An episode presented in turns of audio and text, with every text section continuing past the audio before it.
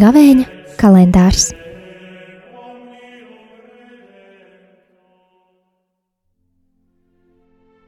Divdesmit devītais marts, otra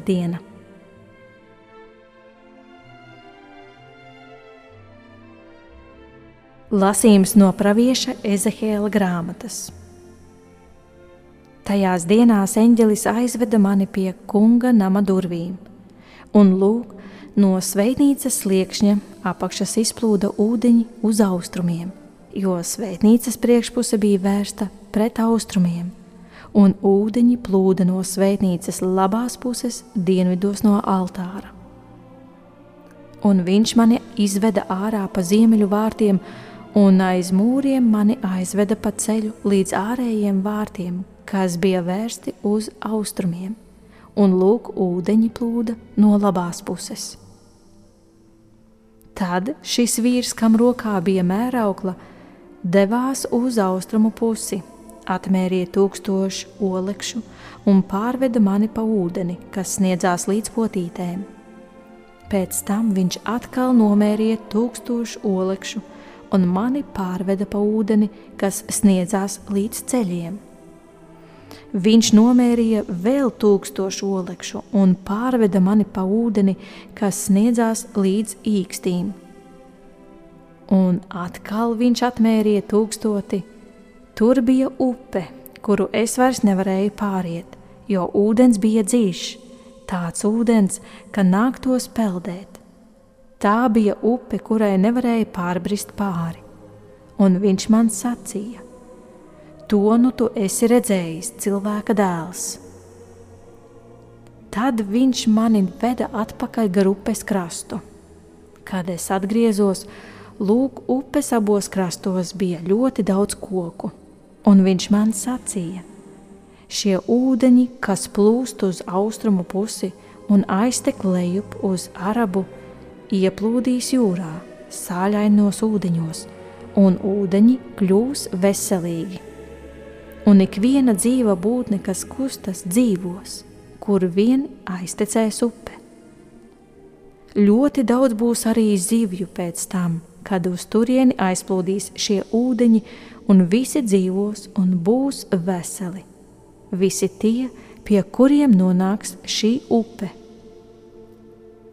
un upes abos krastos izaugs dažādi augļu koki. Tiem nenobirs lapas un nepietrūks augļu.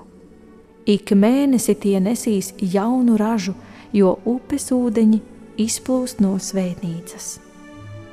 Un to augļi derēs par barību, bet lapas par dziednieciskām zālēm. Tie ir svēto rakstu vārdi.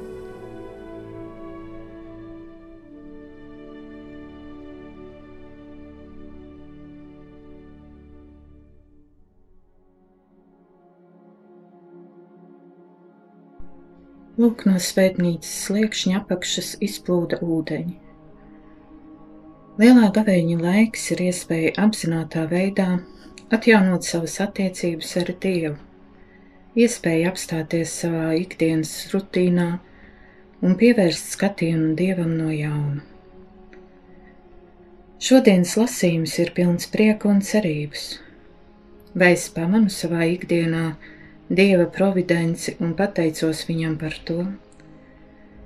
Vai esmu pateicīgs par iespēju vienmēr sākt no jauna, neskatoties uz manu vājumu un grēku? Šie ūdeņi kļūst par lielu upi, jo Dieva žēlsirdība ir bezgalīga. Vienalga, vai brienu līdz potītēm, ceļgaliem vai jau peldu. Dievs neprasa uzreiz mesties dziļos ūdeņos Galvenais iebrist un smelt, nevis sēdēt upes krastā un teikt, ka esmu izslāpis.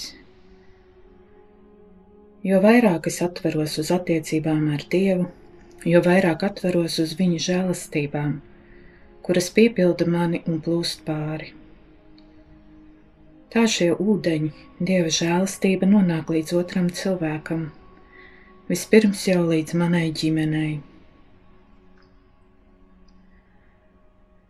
Mums ir tendence meklēt lielus brīnumus, bet nepamanām dieva delikātos pieskārienus savā ikdienā, jo viņš zina labāk, kas man ir nepieciešams.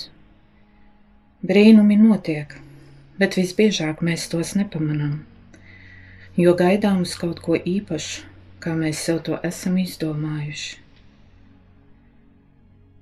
No Kristus sāna izplūda asinis un ūdens. Mēs saņēmām vislielāko dāvanu svēto garu, kas ir mūsu aizstāvis, padomdevējs un iedvesmotājs. Kristus upuris sniedz mums žēlastību pārpilnību. Sakramentos mums viss jau ir pieejams.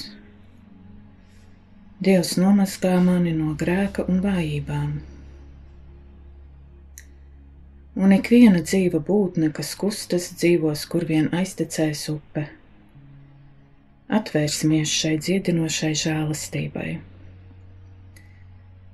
Dievs vienmēr mūs gaida un ir gatavs apdāvināt ar savām žēlastībām. Man ir tikai jāspēr šie mazie soļi.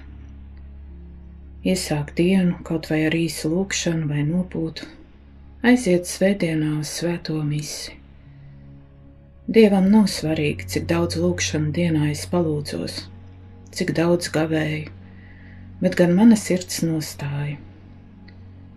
Un to es katru dienu varu novērot pats savās rīcībās, cik daudz tajās ir mīlestība uz otru cilvēku.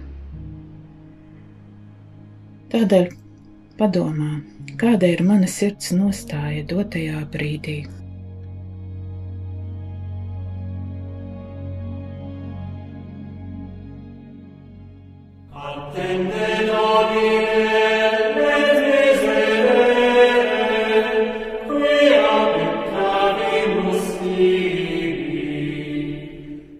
Gavēņa kalendārs.